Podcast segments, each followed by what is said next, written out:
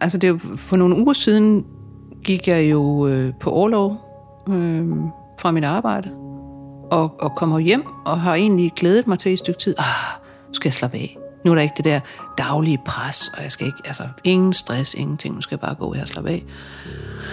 Og så går der ikke andet end 3-4-5 dage. Og så synes jeg, at jeg sidder og, og, og, og føler mig sådan nytteløs. Og, og føler, at jeg ikke jeg har ikke noget formål. Hvad, hvad skal jeg have i livet?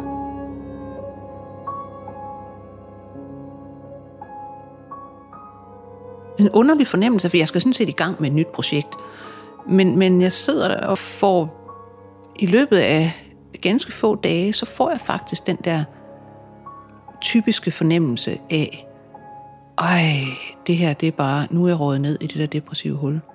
Altså, jeg kan ikke bevæge mig. Jeg gider ikke stå op om morgenen. Jeg gider ingenting. Jeg har ikke lyst til noget. Jeg føler mig sådan tåget i hovedet. Kan ikke tænke. Jeg kan gå ind i et rum, fordi jeg skal hente min mobiltelefon, og så glemme det på vej ind i det rum. Og jeg tænker, hvis det her ikke går væk af sig selv, og jeg jo sådan set æder mine 100 milligram sertralin hver dag, hvad i alverden skal de så gøre? Og det er jo, så er det jo, at jeg kommer til at tænke det her med, hvad fanden er depressioner? Hmm.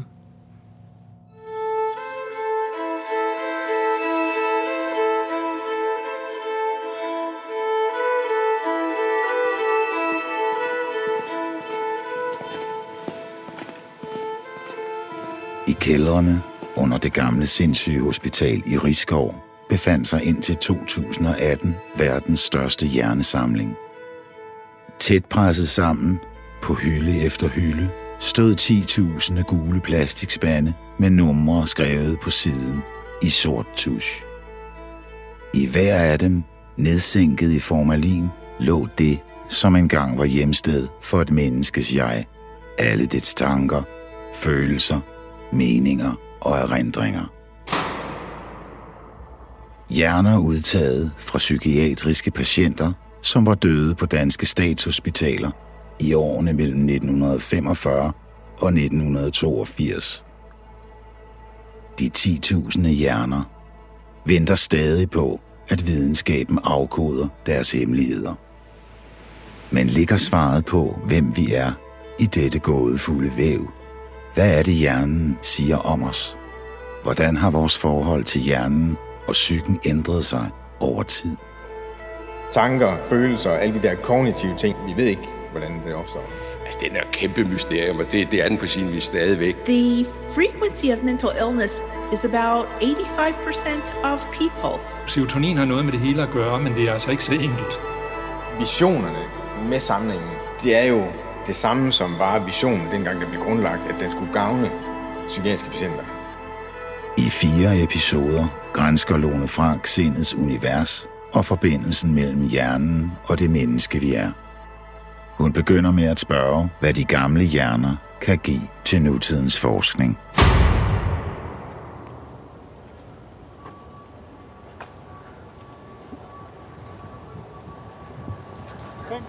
Jamen, goddag, goddag.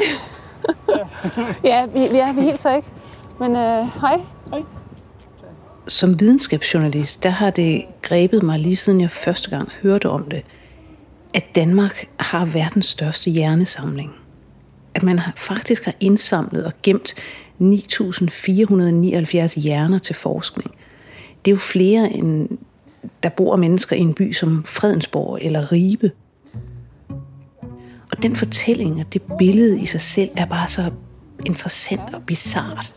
Jamen, jeg tænkte, hvad med, at hvis man går op og kigger på hovedbygningen først? Det kan vi godt. Ja. Altså jeg vil jo sige, det hvor hjernesamlingen var, det er jo Ja. alt det derude, der er reddet ned og bygget nyt og Ja. rykket op med rodet. Men samtidig så pirker alle de her hjerner til noget mere personligt. Øhm, altså de tilbagevendende depressioner, jeg har gået og haft, har i virkeligheden givet mig en enorm lyst til at forstå, hvor tilstanden kommer fra.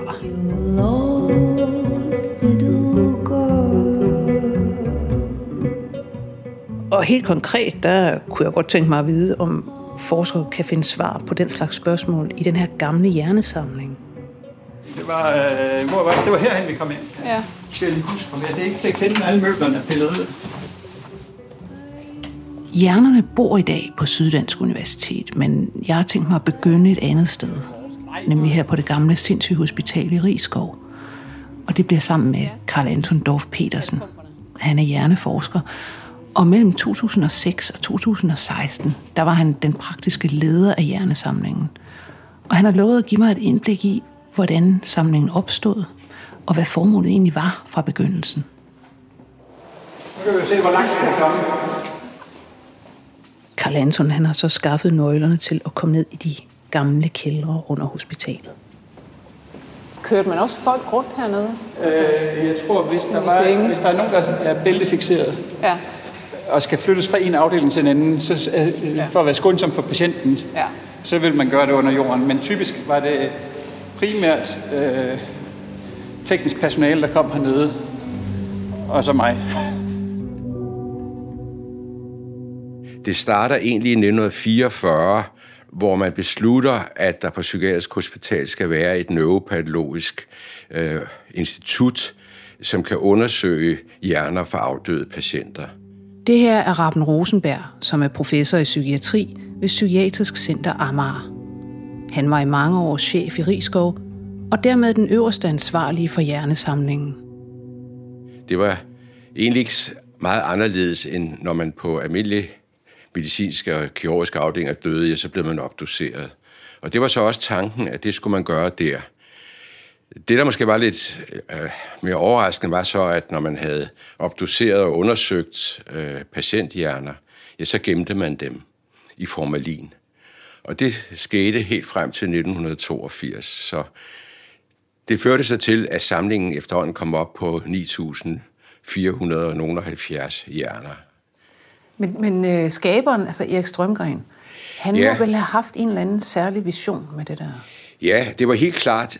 Han var den eneste professor på et vist tidspunkt i psykiatri, og skrev en lærebog, som i masser over år var den eneste lærebog. Så han var en meget vigtig person. Men han var også meget visionær, og han havde meget forståelse for, hvad, hvad, hvad ville forskningen, hvordan ville den udvikle sig. Og der var han jo ikke i tvivl om, fordi han var leder af et hospital for de allermest syge psykiatriske patienter. Der var han jo ikke i tvivl om, at det var hjerneforskningen, øh, der var fremtiden. Jeg gad virkelig godt vide, hvad Erik Strømgren har tænkt sig der tilbage i 1940'erne. Hvad han har forestillet sig, når han har gået blandt patienterne til daglig og behandlet dem og talt med dem, og så planlagt, at nu vil han til at indsamle deres hjerner og gemme dem til eftertiden. Og faktisk er Strømgren vildt interessant som en repræsentant for sin tid. Han var dels en pioner, der fandt på nye metoder og nye tilgange, og samtidig var han også en slags konge af psykiatrien i Danmark, med en kolossal indflydelse på generationer af psykiatere. Og så sad han på hjernesamlingen i 35 år.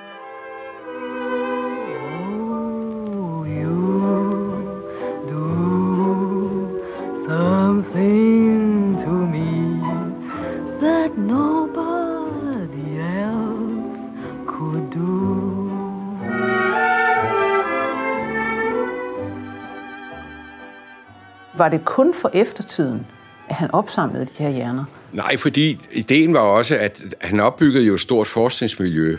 Han var meget visionær, som sagt, og, og øh, øh, lavede jo et, et forskningsmiljø for biologisk forskning, og også øh, psykologisk, og han var også grundlægger af distriktspsykiatri. Så han var sådan en, en virkelig innovativ person, der sagde, at vi er nødt til om psykiske lidelser at vide en hel masse, både om det biologiske, psykologiske og sociale, men selvfølgelig med hovedvægt på hjernen, fordi det var den opfattelse, der var dengang, og, og jo stadig er, når vi snakker om de allermest alvorlige sindssygdomme, at så er det hjernesygdomme.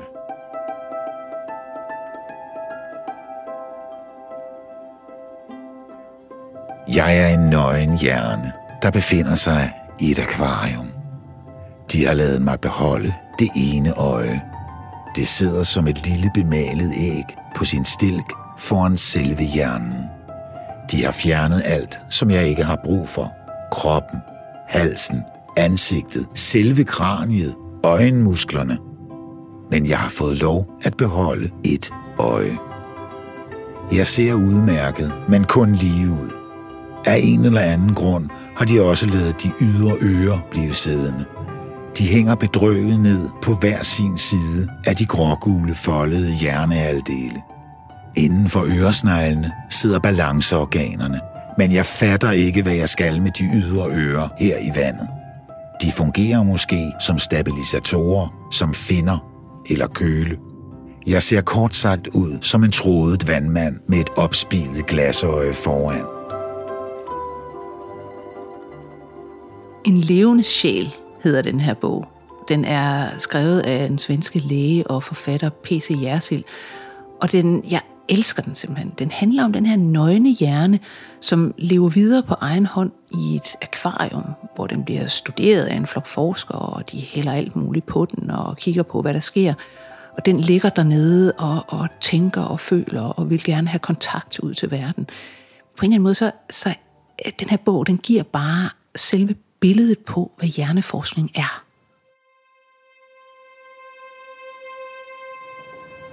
Men det er en meget underligt tæt fornemmelse, man får. Altså... Men, men det var det her, vi gik rundt i. Ja. Karl Anton han genkalder sig de kaotiske forhold, der var, da han i sin tid kom til Rigskov. For den her, den fortsatte bare simpelthen helt ud til... Og så kunne man jo komme ud af en side, Sidevej nogle der. sidegange og Ja. videre op, og helt over på den anden side har Selmersvej under en gammel børnepsykiatrisk. Okay, så sådan en Så- kilometers penge nærmest. Ja, i hvert fald 500 meter i, ja. i øh, en 300-500 meter i luftlinje, fordi at vi havde hjerner helt over under auditoriet, lige når man kører ind på, blok, på, i, på hospitalet. Ja. Og jeg havde mine laboratoriefaciliteter dernede af et sted. Ja. Og så var der hjerner derovre af også under børnesyg. Så jeg endte med at få matrikelkort fra tekniske afdelinger. Så sad vi og tegnede alle reolerne ind. Og simpelthen reolsektion for reolsektion. Hvad stod hvor? Ja. Fordi man skulle have gasmaske på for at komme ind, eller fristløbsverden for at komme ind i rummene, på grund af formalindampene. Så man kan godt mærke, at det rev i øjnene, når man gik ind, ikke? og det er jo øh, giftigt. Jeg kommer til at tænke på, om de næsten 10.000 hjerner repræsenterer samtlige de psykiatriske patienter, der døde på danske statshospitaler. Cirka halvdelen fik taget hjernen ud og sendt hertil. Og det er jo mange med nutidens øjne. Men var det, altså, var det en given overlæge, der et eller andet sted, om det var her eller Middelfart, eller hvor det var, sagde til yngste læge, vedkommende der er død, skynd dig at få den hjerne taget ud, vi sender den til Rigskov. Der har været sektionsstuer alle stederne, mm. hvor der har været nogle kapelbetjente, der har taget hjernen ud. Man lavede noget øh, indsprøjtning af formalin først, og det var efter en halv time. Altså man okay. Skal være sikker på, at patienten er død Ja. og så videre. Det, man må ikke, øh, der er nogle regler for, hvordan man, Ja, ja. Hvad, hvad man må og ikke må. Ikke? Og så fixerede man den loka- øh, ud på hospitalet, så har man sendt sådan badges ind med i sådan nogle, øh, jeg har set nogle billeder af sådan nogle trækasser med foret med, jeg tror det var halm, ja. eller sådan, hvor man så sendte dem en gang om måneden eller sådan noget fra, øh, så har der sikkert været et par stykker, man så har sendt fra Nykøbing Sjælland eller Middelfart og hertil.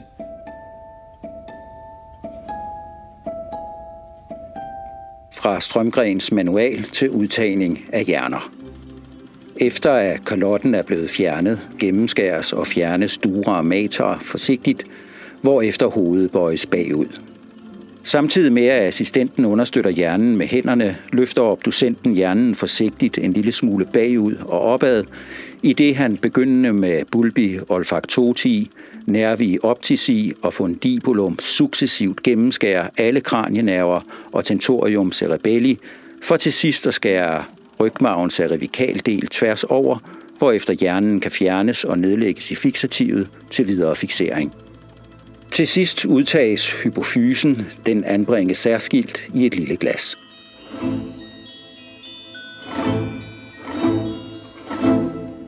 Hvis vi går tilbage der ja. til, til starten af 40'erne, hvor stort et mysterium var hjernen dengang? Altså, den er et kæmpe mysterium, og det, det er den på sin vis stadigvæk jo. Men det var jo den tanke, at, at øh, øhm, man måtte jo undersøge hjernen. Det kunne ikke nytte, at man bare talte med patienterne som sådan, hvor vigtigt det end er.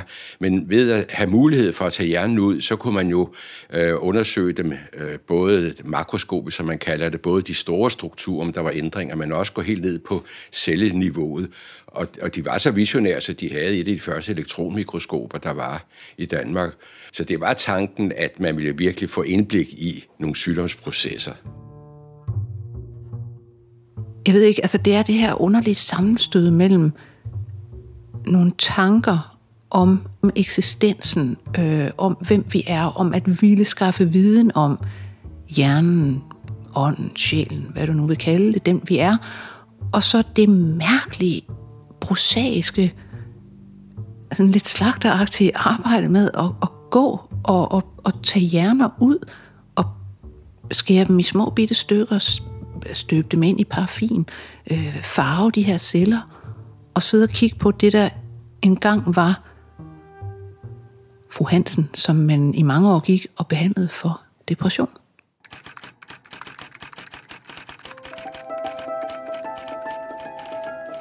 Jeg deprimeret eller klarsynet?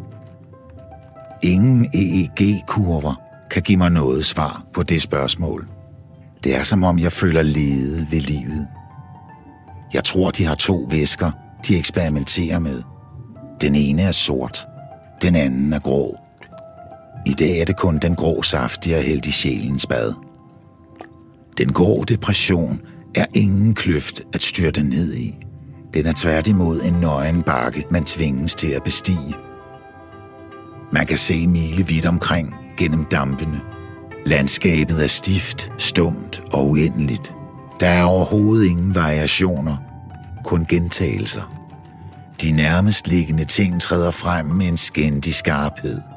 Stenen på jorden bliver en kvalme. Den hvide prik i en negl bliver overtydelig, påtrængende og hadvækkende. I den grå depression står tiden stille. Der sker ikke noget. Ikke engang angst. Jeg synes egentlig, at P.C. Jersils levende sjæl i akvariet beskriver fornemmelsen af sådan en depression rigtig, rigtig godt. Den minder mig så også om, at det var min første oplevelse af at blive behandlet for depression, der egentlig gav mig et meget klart og nyt syn på mig selv og min hjerne. Jeg havde jo oplevelsen af at komme til en læge, få udskrevet antidepressive midler, og så i løbet af fem uger gå fra at være led ved mig selv, verden, alting, til at være nærmest ekstatisk glad. Og der var jo ikke sket noget som helst i min situation.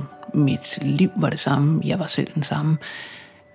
Bortset fra, at der var sket noget kemisk. Så jeg havde den her åbenbaring af, at jamen, jeg er jo til enhver tid min hjernes kemiske tilstand. De har trykket på en knap med noget kemisk, og nu er jeg bare en anden.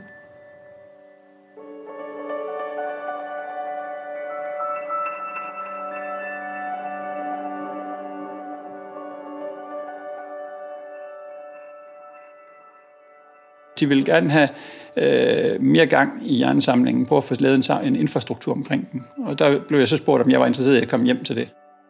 Karl Anton Dorf Petersen han ankom i sin tid fra USA med stor erfaring. Han havde forsket i hjerner fra afdøde med depression og hjerner fra selvmordere. Og jeg kom fra det her store, øh, forkromede amerikanske lab, hvor vi måske var 50-60 stykker, der arbejdede kun med hjerner. Og her der var der måske 100 mennesker, der arbejdede med alt muligt andet. Det var teknisk afdeling, der sådan havde sørget for, at hjernerne stadigvæk var der. Det ville ikke være gået i USA, men det her det er Danmark, så der, der, der er styr på tingene. Ja. Så, jeg, så jeg, jeg fik bogstaveligt talt et matrikelkort med tre kryds på. Der fik jeg de, den her sådan store stak protokolbøger, og så sådan en nøgle, som var sådan en gammel, tyk, stor nøgle. Det var en rokonøgle, men den var ja. altså dimensioner større, end vi ser i dag. Ja. Det var så fra de helt gamle psykiatriske hospital. På et tidspunkt havde de skiftet låsene, men så havde de ikke skiftet låsene til hjernesamlingen, så det var sådan en helt unik nøgle. Man kunne simpelthen genkende nøglehullerne, fordi de var væsentligt større. Jeg fik at vide, hvor mange der stod cirka i det her rum. Cirka 4.500 hjerner i det her rum. Det var det store rum, og cirka 3.000 der, og så mange tusind der. Og så sad jeg og regnede lidt på det og tænkte, det går da ikke, kan det virkelig passe? Det så ud til, at der manglede 1000. Og så ringede jeg til teknisk afdeling, og han, han øh, jeg ved ikke, om han fik kaffen galt i halsen, men i hvert fald, han, han, han grinede lidt af det, og så gik der, inden for 24 timer, så havde de jo så fundet et rum mere. Det var så fordi, der havde et af de store rum, der havde man så trukket nogle ventilationsrør, og det havde han jo så glemt i, ja. i forbifarten. Det var så 1000 hjerner. De var så blevet flyttet over i et, i et fjerde rum. rum. Så fik jeg et kryds mere på kortet. Og, og så en dag, der opdagede jeg jo så, at der var, der var en dør ved siden af, af en af de døre, jeg havde nøgle til, der også havde det der store nøglehul, og så prøvede jeg at låse den op. Der, var, der stod så 100 hjerner mere.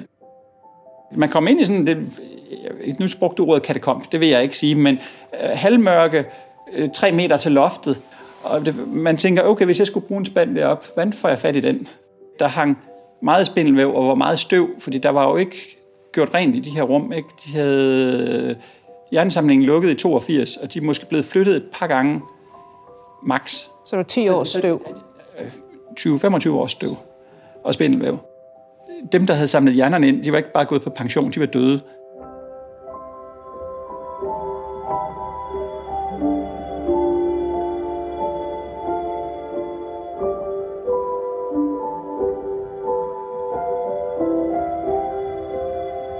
Man skulle jo tro, at det væltede med videnskabelige artikler, der er lavet på baggrund af de her 10.000 hjerner. Men når man roder lidt i det, så er der faktisk næsten ingen. Hvorfor har der ikke været et run på af danske neuroforskere, der enormt gerne vil kigge på det ene og det andet og det tredje? Det er et godt spørgsmål, og det, det tror jeg ikke, jeg kan svare på, for det har jeg også selv undret mig over. Men jeg tror, tanken nok var, at man mente, at det var noget gammelt bras. Altså, jeg, hvis jeg siger det lidt, lidt hårdt, det tror jeg egentlig var tanken. At man tænkte, nej, det kan sgu ikke bruges til noget. Uden at man havde undersøgt det. Mm. Men har vi simpelthen manglet en, øh, altså en, en neuroanatomisk tradition herhjemme? Ja, inden for psykiatrien har der ikke været interesse, det er virkelig mærkeligt. Fordi det store udland, vi har haft mange møder med, øh, der er europæiske hjernesamlinger, som er opbygget i de senere år. Men hvorfor der har været det hul i, i dansk psykiatrisk øh, forskning, det ved jeg faktisk ikke.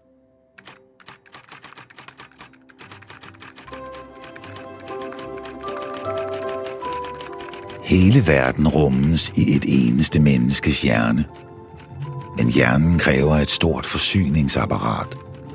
Endog hjernen selv er delvis optaget af denne forsyning.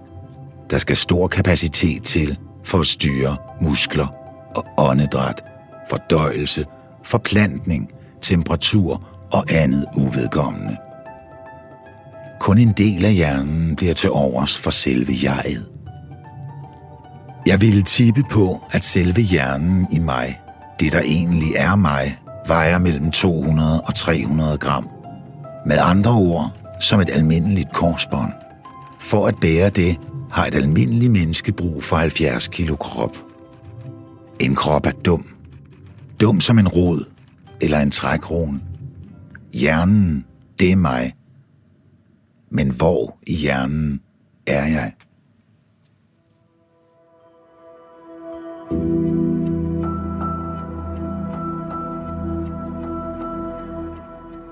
Det helt store rum var over under de boligblok derovre nu. Okay. Så du har virkelig fået nogle gode Og der lå man og rullede rundt med en, en, i starten med, jeg tænkte også, jamen, hvis jeg skal flytte sådan en spand, der er halvt gennemsigtig med hjerneskiver skulpne rundt i, ja. Øh, og risikerer jeg at møde nogle pårørende eller patienter, eller hvad gør jeg? Og jeg, i starten havde jeg et rullebord, og man skulle køre rundt i de der gange, og indimellem passerede man nogle steder, hvor der i princippet man godt kunne møde nogen. Ikke? Så fik vi lavet noget med sorte sække, hvor, hvorefter uh, alle uh, dem fra teknisk afdeling sagde, at du er ude og køre med hjerner, for de vidste godt, hvad der var i sækkene. Så fik vi indrettet et rullebord med, med skydelåger, hvor man kunne lukke af, så folk ikke kunne se. Det er jo en, det er jo en æra, der er slut. Nu er det jo en anden slags ja. behandling, vi har i dag, en anden slags patienter. Og hjernerne bor et andet sted. Og hjernerne, de bor et andet sted, så det får de forhåbentlig et godt liv i Odense.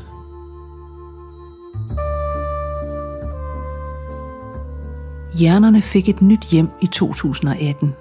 De blev faktisk reddet fra at blive destrueret, da sindssygehospitalet i Rigskov blev nedlagt. Nu står de så i fine nye spande i Odense på Syddansk Universitet. Jeg kunne godt tænke mig at tage over og fornemme det sted. Jamen, kom med nedenfor, han har sagt. Nede i kælderen. Jeg Jeg har en aftale med Martin Wierenfeldt, der er patolog, og som er den, der nu tager sig af jernsamlingen. Nu går vi ned under sådan SDU's hovedcampus.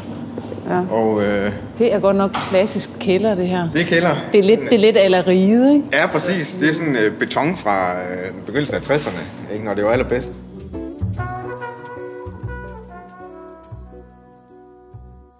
Alt materiale er herinde. Det er sådan et meget specielt rum, når man kommer ind. Altså, jeg plejer at give det sådan lidt øh, eksempel med, at det svarer lidt til, at man går på en kirkegård. Ikke også? Det fordrer lidt, at, øh, at man har den her respekt for, for tingene. Vi kan selvfølgelig ikke øh, kigge i spanden. Øh, det giver sig selv. Altså, det, det er en afdød, der ligger der, og, og det, de er jo kun beregnet til forskningsbrug. Øh, og, og plus, at de også fixerer det formalin, så, så vi har heller ikke nogen mulighed for at åbne beholder, som, som indeholder formalin, fordi det er jo giftigt.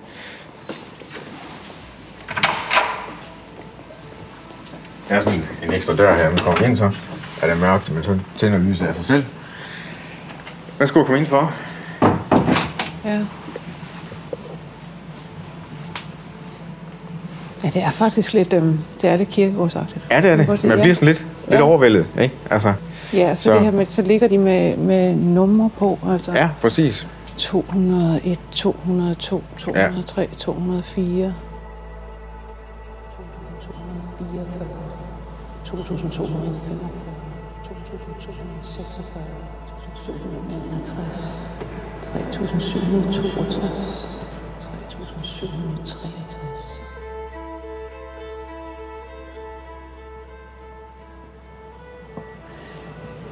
Det er, sådan, øh, det er et underligt sted, det her. Altså, det minder mig sgu også om en kunstinstallation på en eller anden måde. Altså, det er sådan det store, højloftede rum i beton. Sådan rigtig rå beton. Altså, det kunne være, det kunne være Arken Kunstmuseum, ikke?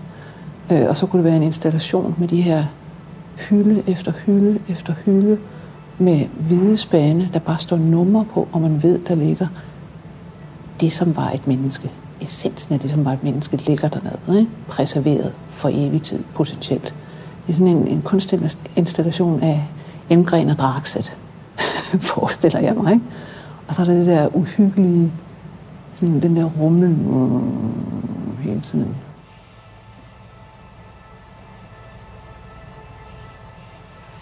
Altså, samlingen starter sådan set hernede i hjørnet øh, med spand nummer to. Det er uvist, hvor spand nummer et er. Øh, Den er simpelthen øh, forsvundet. Ja, den er her altså ikke. Øh, så den kan være gået tabt i, øh, i tidens løb. Men øh, de her allerførste hjerner er jo faktisk fra 1945. Ja. Øh, så Så mens der stadigvæk var, var krig, Ja. der er nummer to taget ud. ja, så det er lige, eller det er faktisk lige, jeg tror de var i der sommeren 45, så det er lige efter 2. verdenskrig, man begyndte på det. Jeg er den sidste turist i Europa, og som en hvileløs flakker jeg om. Jeg vil Og så havde man ligesom ideen der øh, på daværende tidspunkt, at man ville, altså hele ideen bag hjernesamlingen er jo simpelthen, at man ville samle så meget ekspertise overhovedet, som man havde i Danmark et sted, og det var i Rigskov. Da vi skulle argumentere for samlingens værdi, var selvfølgelig også, at vi havde gode journaler, vi havde gode neuropatologiske beskrivelser, vi havde materialet, og vi har også kigget på noget hjernevæv, der har ligget i 50 år i formalin, og prøvet at lave øh, moderne farvninger, og de er lige så gode, som hvis de var helt friske. Men har du, du har vel de øh, patologirapporter, der blev lavet? Det har vi nemlig, og jeg tænker, vi kan prøve ned og kigge på dem, fordi Ja. de viser egentlig, hvor grundig man var. Altså, det, Ja. det var meget, meget omfattende, de undersøgelser, der blev lavet dengang. Så snart man kommer ind i det her rum, så kan man ikke lade være med godt nok at se alle de her spande og alle de her numre. Men samtidig så er der jo også sådan en klar øh, interesse i, hov, jamen, hvem var de mennesker, der så, hvem, hvem var nummer 3471?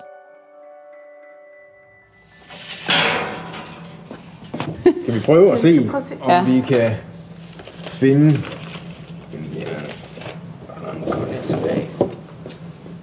Hvorfor ville, I, hvorfor, ja, hvorfor ville I gerne have dem hertil? Altså, den her samling er så unik, at øh, man vil aldrig kunne genskabe sådan en samling her, af mange årsager.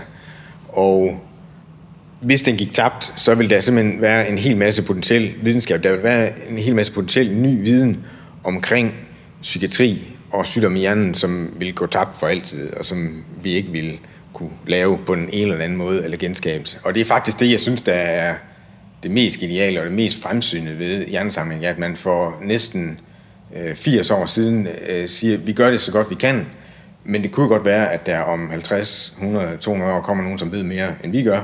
Så derfor sætter vi materiale op på hylden og siger, lad os prøve at kigge på det ja. igen.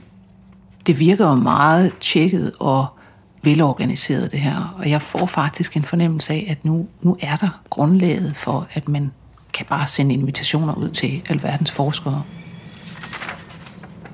Responsa, står Responsa. der så. Det er jo latin, ja. ikke? Ja. Øh, og det er skrevet med fyldepind, mm. med en, en skrift, som de fleste nok vil være misundelige på i dag. Ikke? Meget nydeligt. ja. Der er en her, som er diagnosticeret med klimakteriel forrygthed. Klimakteriel forrygthed? Ja. Øh, ja. Det var simpelthen en diagnose i 1945. Det må jeg simpelthen, det vil jeg meget gerne prøve at, ja. at tage et billede af. Fordi jeg tror, jeg har det selv. det, altså helt ærligt. Men man ved ikke, men... Uh...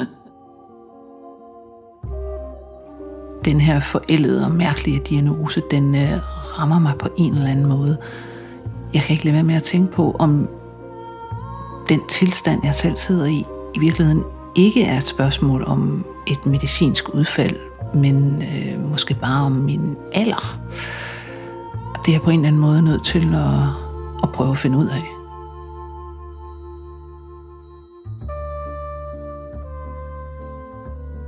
Du har lyttet til første episode af podcastserien 10.000 sjæle. I næste episode spørger Lone Frank til psykiatriens historie og søger efter patientjournalen på hjerne nummer 30. Serien er tilrettelagt af Birgit Nissen Pedersen og Lone Frank. Sten Jørgensen og Arne Hardis læste op af P.C. Jersil, En levende sjæl og Erik Strømgrens instruktioner til udtagning af hjerner. Vi hørte musik af Agnes Opel, Alexandre Desplat, Marlene Dietrich, Lulu Siler og fra musiktjenesten Upright.